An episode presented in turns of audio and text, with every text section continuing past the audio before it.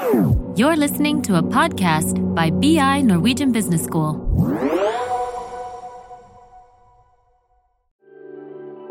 Jeg tror det er liksom viktig å huske på en intervjusetting at du er ikke der fordi vi skal finne ut om du er for dårlig. Vi har lyst til å finne ut om du er akkurat så god som det vi tror ut fra det vi har sett.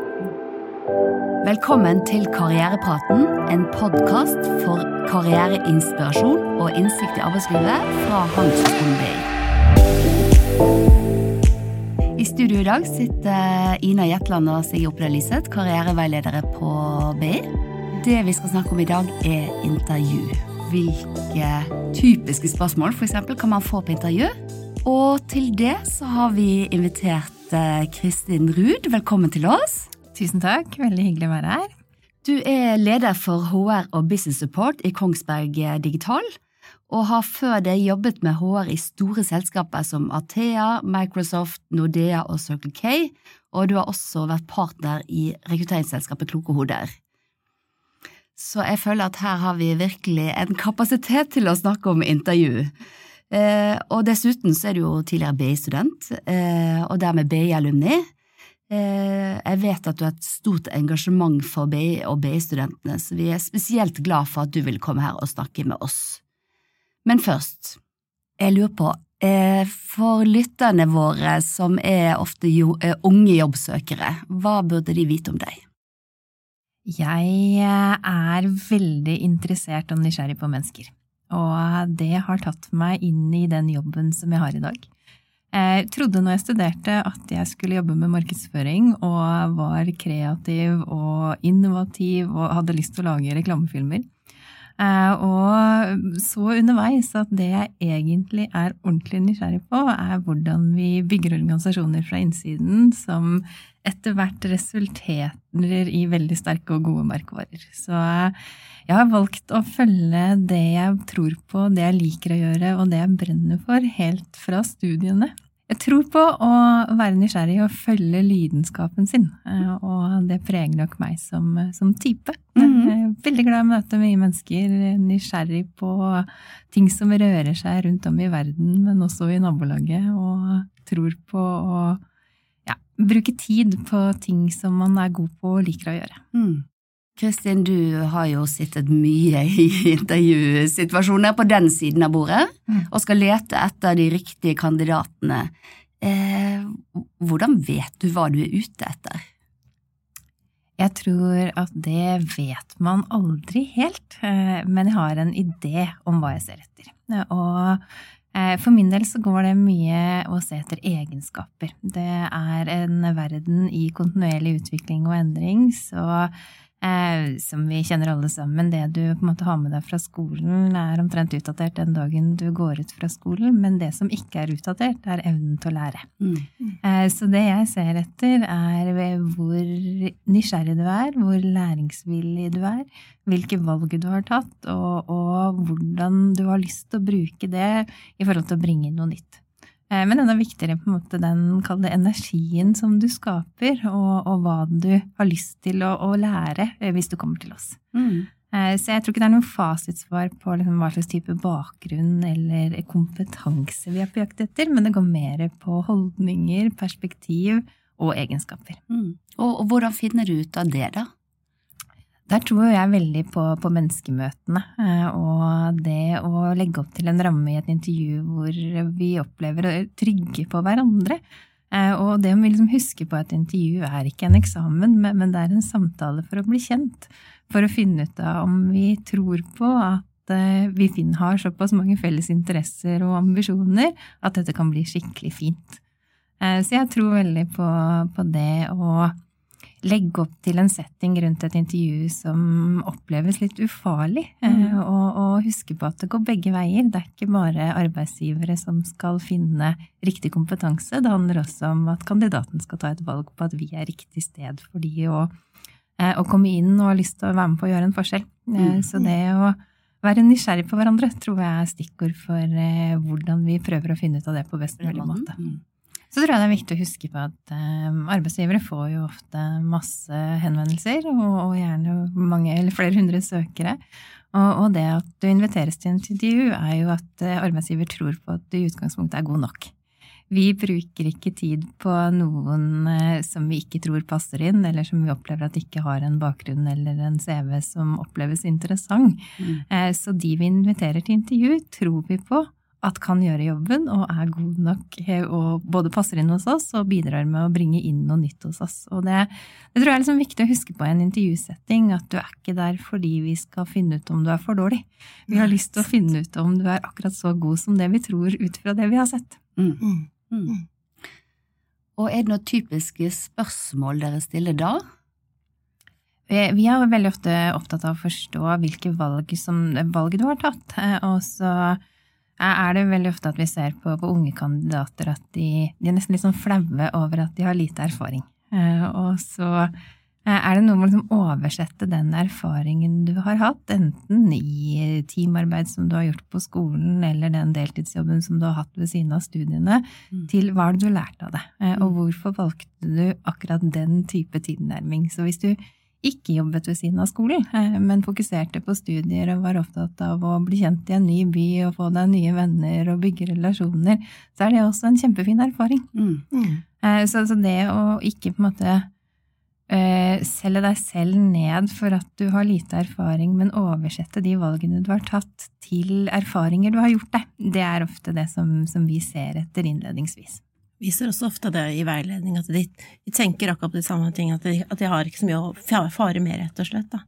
Og da er det jo veldig fint at, at dere fokuserer på det intervjuet, men da lurer jeg også på, hvis de sitter der og føler at de ikke har noe, få si, eh, ikke kommer i gang med samtalen, hvordan gjør dere det da for å få i gang en god relasjon og en, en, en eh, fin samtale?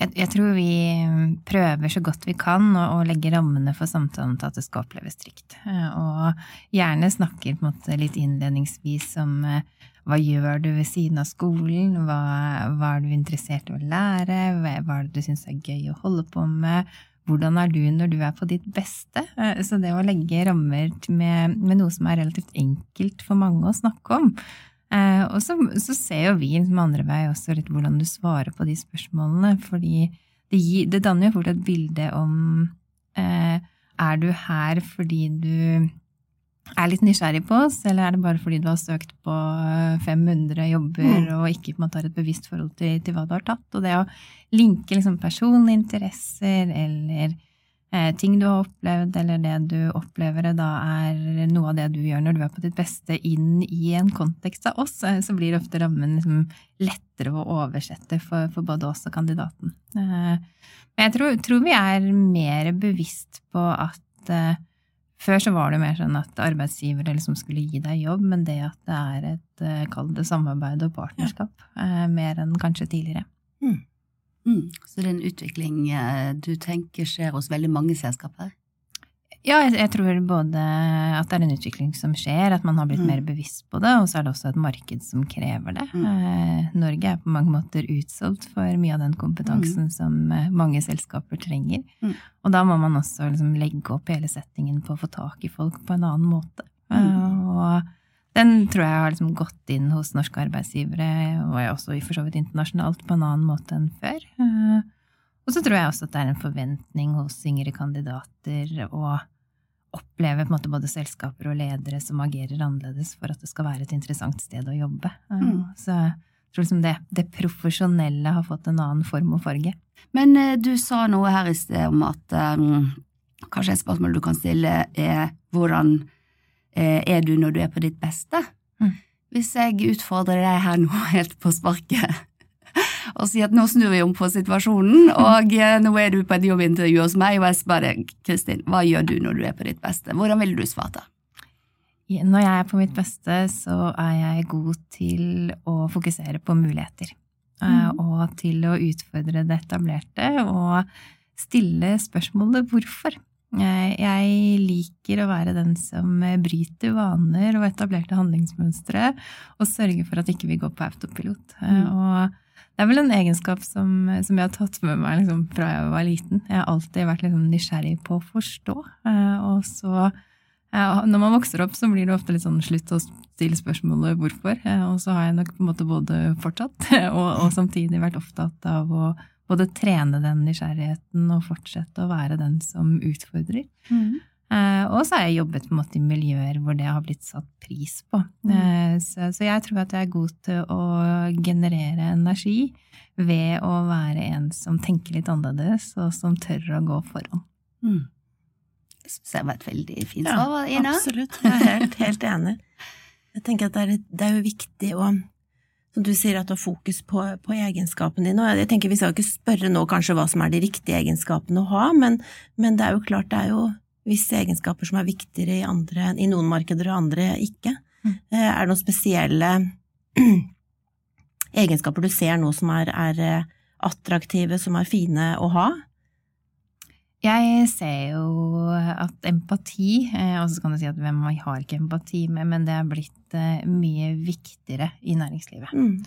Og, jeg var på gradueringen av, med bachelorstudentene på BI for noen uker siden, og jeg ble så imponert, fordi da fokuserte man mye på at de to siste årene alt man hadde mistet som student. Og så var det en ung student som holdt en, ja, studentenes tale, og som fokuserte på så utrolig mye vi har lært. Ja. Og kanskje det viktigste jeg tar med meg, er det å være i en verden hvor vi liksom sitter fra hverandre, men likevel jobber med å se og høre og inkludere hverandre og styrke fellesskapet.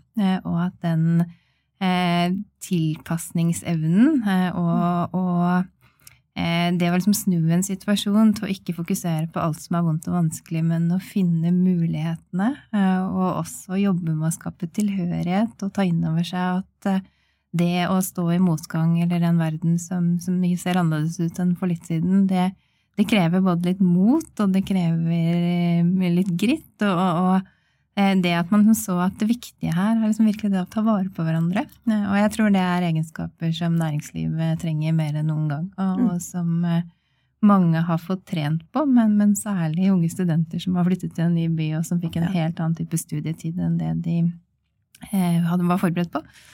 Eh, så jeg tror å liksom oversette, er man liksom nyutdannet nå og skal oversette det til, til noe som man skal fortelle på en måte at læringslivet trenger fremover, som har en fantastisk erfaring eh, som mm. man har trent på nå de siste to årene, som mm. kommer til å være hyperaktuelt fremover.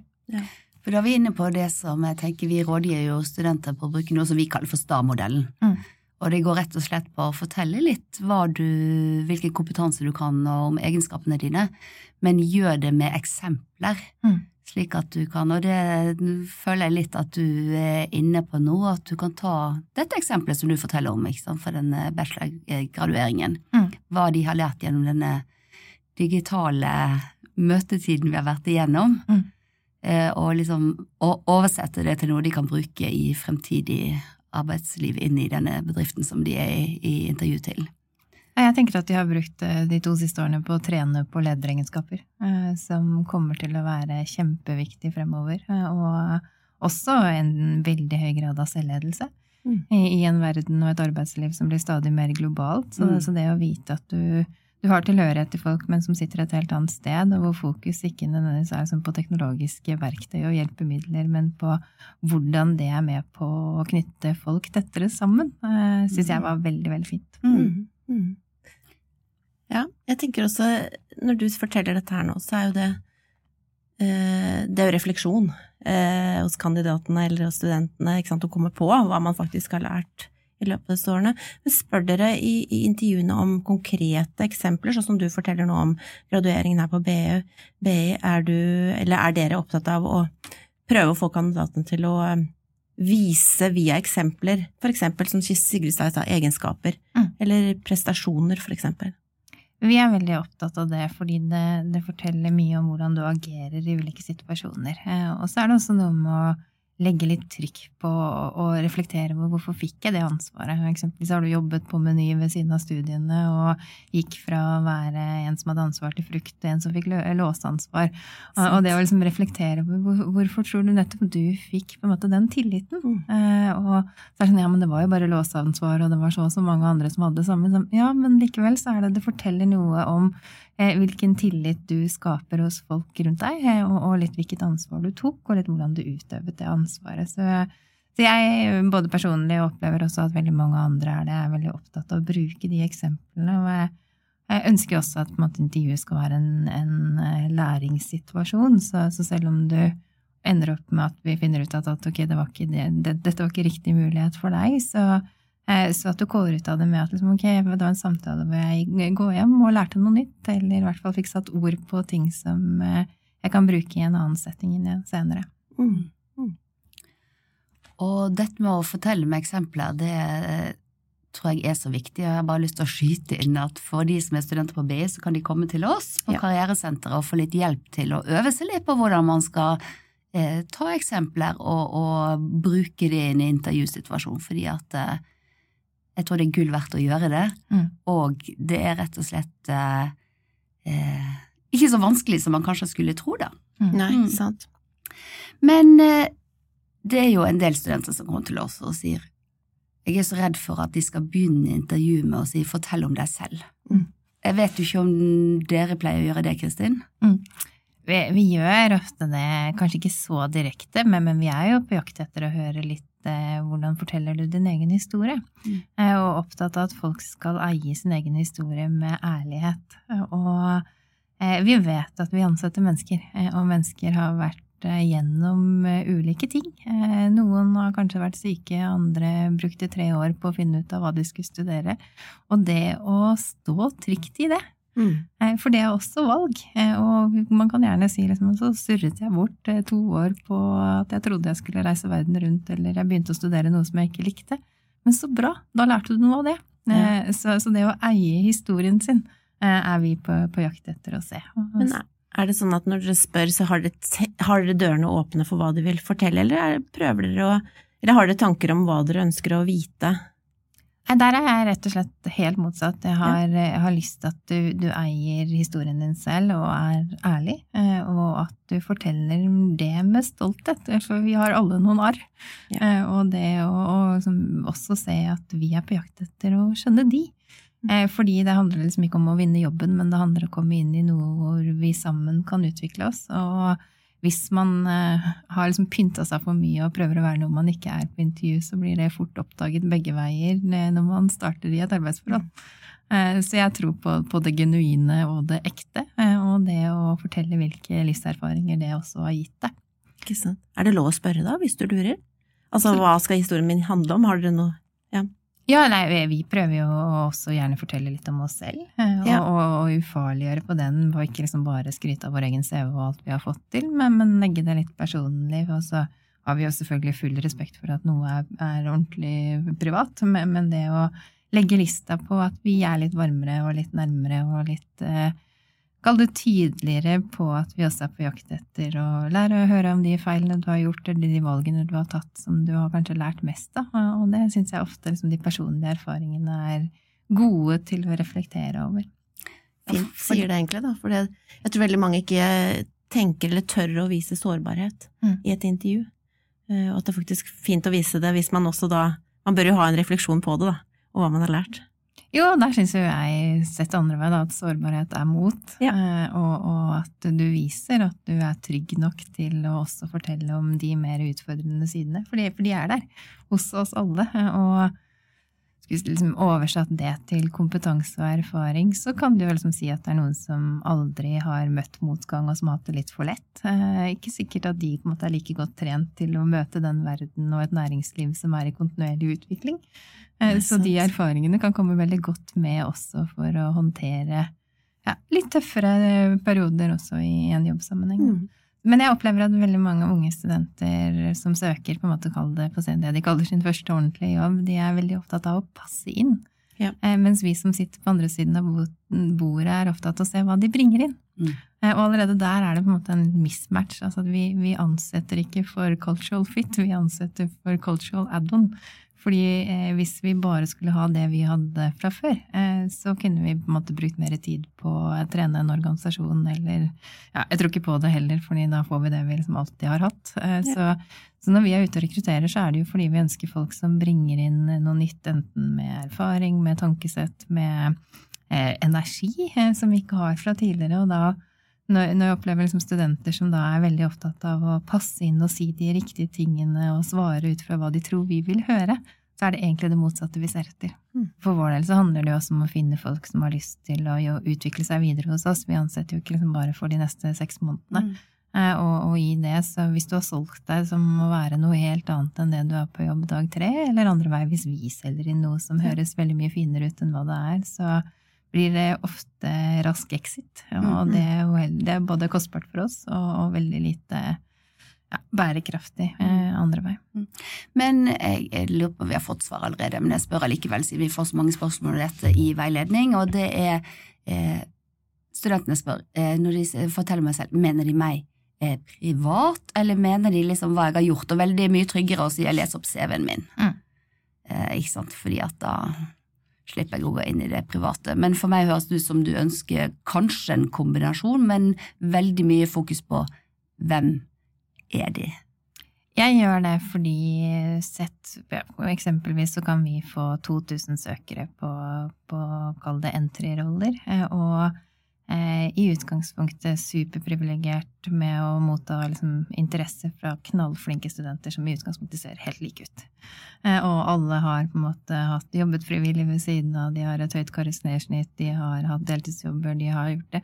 Og, og da er det liksom, når vi skal skille de for å se liksom, hvem er det som bringer inn nye perspektiver hos oss, så er det liksom virkelig den personlige faktoren eh, som eh, eh, gjør at vi blir tryggere på vi på en måte at vi klarer å virkelig rekruttere mangfold. Mm. Eh, og, men, jeg, men jeg tror også liksom, etter hvert så legger man kanskje mer fokus på liksom, hvilke jobber man har hatt, og hva man har lært av det. Men, men det også å se, liksom, reflektere over så var jeg fotballtrener, eller Mm. så var jeg skiinstruktør, og så elsker jeg å lære bort det jeg kan til unge som har lyst til, eller jeg så at uh, ungdommene i gata hadde lite å drive med, så jeg dro i gang på en måte en fritidsklubb, eller jeg brukte tiden min på eh, være studieveileder, eller typiske grupper, så, så tar jeg litt lead, for jeg er opptatt av å levere sånn som er lovet, og det å liksom, finne de, eh, ikke alle feriene du har vært på, hvor du har reist, det er liksom det er ikke detaljene på det vi er på jakt etter, men det at du er reiseglad, at du er interessert å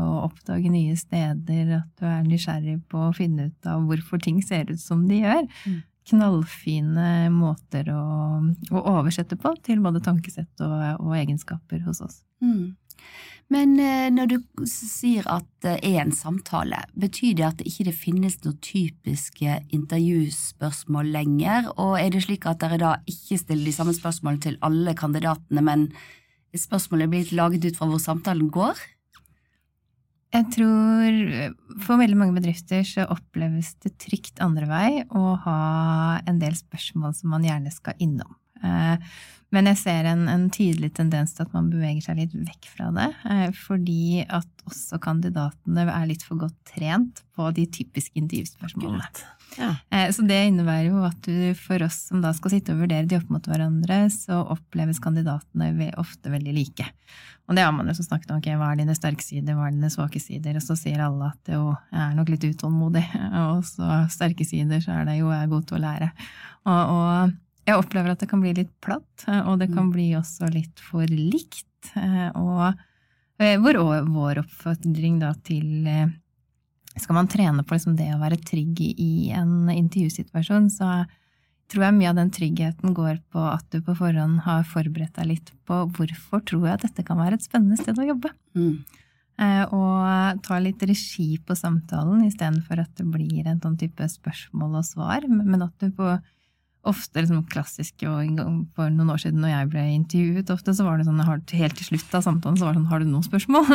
Eh, og, og hvor liksom, ok, jeg har forberedt tre ting, og så var det egentlig ganske noen ting som jeg egentlig ikke lurte på, som jeg kanskje hadde fått svar på, men det å gå inn på forhånd, eh, har liksom vært på LinkedIn, sett litt hva er det eh, denne bedriften snakker om, fulgt de andre sosiale flater, se litt hvem som mener noe her, og det å vise at du lurer på noe som den bedriften driver med, og oversetter det til hvorfor du kunne tenke deg å jobbe der, eh, så opplever jeg at det gir en veldig god ramme for en samtale. Og en mye større trygghet, tenker jeg, når man skal inn et sted og vet at eh, jeg vet hva de holder på med, jeg vet hva de er opptatt av. Mm. Dette matcher hva jeg er opptatt av. Mm. Så gir det også en mye større trygghet, tror jeg, for kandidaten som skal inn i en jobbintervjusituasjon. Eller samtale. Ja, jeg tror det er viktig å være opptatt av at eh, bedrifter sminker seg andre vei òg. Det er ikke bare studentene Nei. som pynter seg. Og det, og Hvordan skal man finne ut av det, da? jeg tror veldig på å snakke med folk som jobber i bedrifter, Mm. eh, og se litt på både hvordan er det de kommuniserer, hva er det Mm. de viser frem, Mm. eh, er dette et sted hvor jeg tror jeg hadde likt å være? Eh, Mm. For jeg tror eh, vi har veldig troen på liksom, ulike former for internship eller praksis, hvor man ganske lett når du kommer inn døra liksom kjenner på en energi. Mm. Eh, Og den, her, vet du, her sier folk hei til hverandre om morgenen, det er en uformell tone, dette her tror jeg hadde likt å være. Det tror Mm. jeg er et, et godt filter for Mm. å, å liksom, ta en vurdering på at man tror at det er riktig. Jeg tror Mm.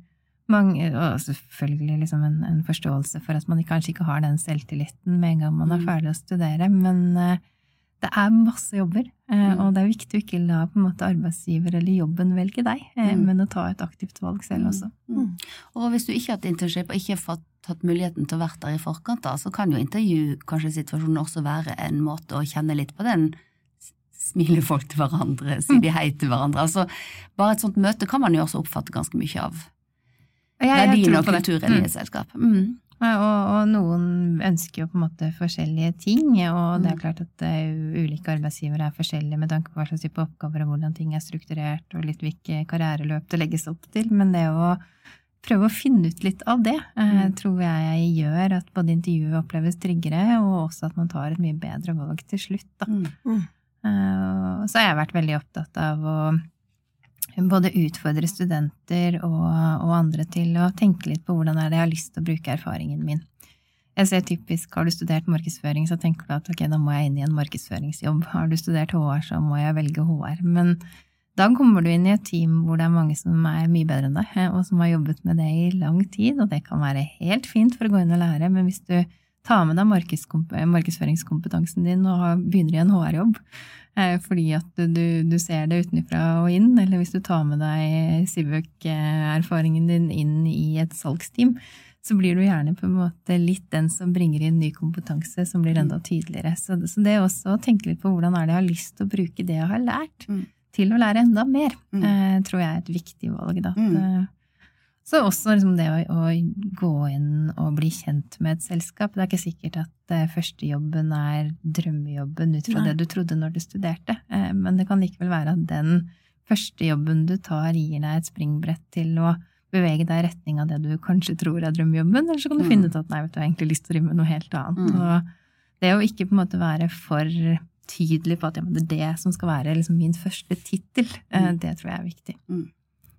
Her kommer det gode råd eh, Ja. trillende ut. Det er fint, eh, Kristin. For dette er viktig, og ikke alltid like lett å se når man står i starten av karrieren sin. Jeg tror veldig mange er låst, som du sier også, da. For eh, å si, evnen eller muligheten, eller at man ser at andre muligheter for seg, da. Mm. Men eh, så er det jo slik at eh, mange steder så har man jo flere intervjuer. Mm. Eh, er det noe forskjell på førstegangs- og andregangsintervju i forhold til hva man kan møte, og hvordan det er greit å forberede seg? Ja, jeg, håper jo at det er en forskjell. Hvis vi hadde på bedriftssidene sittet og kjørt tre runder hvor alle hadde stilt de samme spørsmålene, så opplever jeg at vi hadde vært eh, dårlige til å intervjue. Eh, så det vi typisk gjør, er jo at eh, vi bruker første intervjuet til å, å legge opp til mer den uformelle tonen og bli kjent med hverandre og se Tror vi på at du er så, eller se, kjenner vi på at vi, vi tror at dette kan være spennende for fremtiden? Eh, Og så går vi jo gjerne litt dypere eh, på neste, og det kan jo være litt forskjellig fra, fra hva slags type rolle det er snakk om. Er det en teknisk rolle, så har vi gjerne på en måte et teknisk intervju hvor vi har med fagpersoner som, som går inn og vurderer. Er det en kreativ jobb, så tar vi gjerne en caseoppgave. Er det mer på en måte på eh, finanssiden, så, så går vi inn kanskje og liksom legger frem noe eh, Hvordan ville du tenkt her? Eh, så, så det vil være litt ulike metoder vi bruker, avhengig av hva slags type rolle det er snakk om. Men typisk er at det første, eh, første er en samtale, den andre er nok litt mer liksom, ordentlig bli kjent med hverandre. Og vi kjører ofte også en tredje, hvor man får lov å møte flere som jobber i teamet. Eh, og ikke bare liksom den ene som intervjuer, men, men at man kan bli trygg på at jøss, her var det mye spennende folk som jeg har lyst til å jobbe sammen med. Mm. Eh, Så vi prøver å legge opp til en prosess hvor vi også både respekterer at det er et stort valg for, for eh, noen å velge sin første ordentlige jobb, og, og gi nok trygghet til at du opplever at du tar et riktig valg. Mm. Og så nevnte du case, eh, kanskje på flere forskjellige måter. Du nevnte case hvis det var en kreativ rolle, Mm. eh, men du nevnte også i forhold til andre roller at liksom, hvordan ville du løst dette. Mm. Men Kan ikke du si litt mer om den kanskje litt sånn type case-innslaget i intervjuet? Ja, eh, vi bruker det masse, eh, fordi at vi opplever at det også legger rammene for en, en spennende samtale. Mm. Og da sender vi gjerne en helt reell problemstilling eller mulighetsrom eh, som vi ønsker at du skal utforske i forkant. Og får typisk liksom, ja, 48 eller 72 timer på å reflektere rundt det. Eh, og så sier vi at vi er på jakt etter å se litt hvordan du tenker. Jeg er ikke noe opptatt av om det blir riktig eller galt svar, men, typisk liksom hvordan ville du angrepet denne oppgaven. Eh, og da legger vi opp et intervju i neste runde hvor du typisk skal bruke måte et kvarter på å presentere dine tanker rundt dette caset, og så ti minutter cirka til spørsmål og refleksjon. Eh, Vi gjør det på alle nivåer. Vi, vi skal ansette ny administrerende direktør eh, hos oss nå. Hun, hun eller han som skal vurderes der, skal også få case. Ja. Eh, Så, så det å der, der opplever jeg at studentene er mye flinkere enn de som har vært i næringslivet en stund. eh, Fordi man har trent Hvor- på den type problemløsning og den type okay. case-fremstilling. Mm. Eh, Så, så vi opplever jo veldig ofte at eh, det er en situasjon som mange studenter er veldig trygge i, Mm. eh, og, og hvor de mestrer, så det gir oss en mulighet til å se dem når de er gode. Mm. Og hva legger du i mestre, da? Jeg jeg opplever at man på mange måter er trent på å eh, spisse problemstillingen, Mm. eh, tenke bredt, eh, gå inn og snevre inn, komme med forslag til løsning. Eh, Så, så det er en situasjon hvor jeg opplever at mange studenter briljerer litt. Eh, Og vi har også kjørt eh, fellesintervjuer hvor vi har satt eh, masse studenter sammen i grupper, eh, og hvor de skal løse case eh, sammen som en del av på en måte en assessment. Og, og eh, der ser vi jo liksom tydelig hvilken rolle tar du, hvordan posisjonerer du deg. For det følger dere med på. Og da observerer Mm. vi da i, i caseløsning også, og igjen der så er det ikke svaret som er viktig, men, men det er det å se litt eh, eh, Er du den som kanskje lytter? Det er typisk liksom noen som alltid går frem og, og liksom virkelig skal markere seg og litt spisse albuer, og så er det kanskje den som er stille og forsiktig, som gjør det best. Eh, Så, det- så det er liksom noe med at det gir oss en mulighet til å se liksom typisk hvordan agerer du, og litt hvordan ville du i en jobbsituasjon typisk gått i gang og definert på en måte dine første 100 dager. da. Og det med fellesintervju er det jo mange som er stresset for, og kanskje spesielt de som er litt beskjedne, som ikke sier så mye, så det er jo Mm. fint at du sier at de også kan være de man, man ser etter. Vi, vi har i hvert fall eh, gjort oss mye refleksjon, så kommer det selvfølgelig sikkert an på roller også, Mm. men, men sett i veldig mange situasjoner at i en type fellesintervju så er det noen som tar altfor mye plass. Mm. Eh, Og som eh, kjører på og glemmer litt å lytte og involvere folk rundt seg. Og det er veldig sjelden i næringslivet at du kommer til å drive et one man eller one woman show. Så det å liksom være noen som, som aktivt på en måte både reflekterer, stopper opp, eh, viser på en måte involvering og empati, eh, gjør jo ofte at du får vist frem en side av deg som du kanskje ikke får vist frem så mye på en måte i en annen type samtale. Mm. Mm. Du, når man blir bedt om å holde et case, da, en presentasjon, Mm. presentasjon, er det sånn at man kan få lov til å velge hvordan man gjør det? Så, eh, Hvordan gjøres det som regel, eller? Veldig ofte så eh, ser vi at eh, studenter, eller unge studenter kommer tilbake med litt sånn klassisk tilnærming hvor man har lagd en keynote, og så viser man frem den, og så eh, har man på en måte noe rasjonale som på mange måter blir ganske likt studentoppgaver de har hatt, tror jeg. Eh, Men, men vi syns jo ofte at det er supergøy når man viser frem kreative metoder. Eh, Så de som tør å eh, tegne på tavla, eller eh, gå inn med folk som har lagd en video av seg selv, Ja. vise frem hvordan de tenkte underveis. Så det er jo sånne ting som det imponerer oss. Og så skal vi selvfølgelig vurdere kvaliteten av det som blir sagt, men, er, jeg opplever at det er en superkul mulighet til å liksom vise seg frem. Så man står litt åpen. Ja. Ofte. Mm. Veldig ofte. Du, vi får så mange gode råd her underveis, men jeg har likevel lyst til avslutningsvis å spørre deg, har du noe råd til unge jobbsøkere som skal inn i en intervjuprosess? Jeg tror råd nummer én er eh, å huske på at du blir, er invitert til intervju fordi vi mener at du er god nok. Mm. Og gå inn i intervjuet med selvtillit eh, og eh, vite at det er helt naturlig å være litt nervøs. Og det er den som sitter på andre siden av bordet også. Så litt den der kriblingen er kjempefin. Og bruke muligheten til å lytte, stille spørsmål og være nysgjerrig. Eh, og være bevisst på at det handler ikke om å vinne jobben, men det handler om å finne et sted hvor du kommer til å trives. Eh, hvor du jobber med folk som du tenker at dette er fine folk som jeg har lyst til å få til fine ting med. Eh, og at du bruker nok tid til å selv også velge, og ikke bare bli valgt. Tusen takk, Kristine. Det var veldig fin innsikt i intervjusituasjonen, så takk for at du kom og ville dele med oss.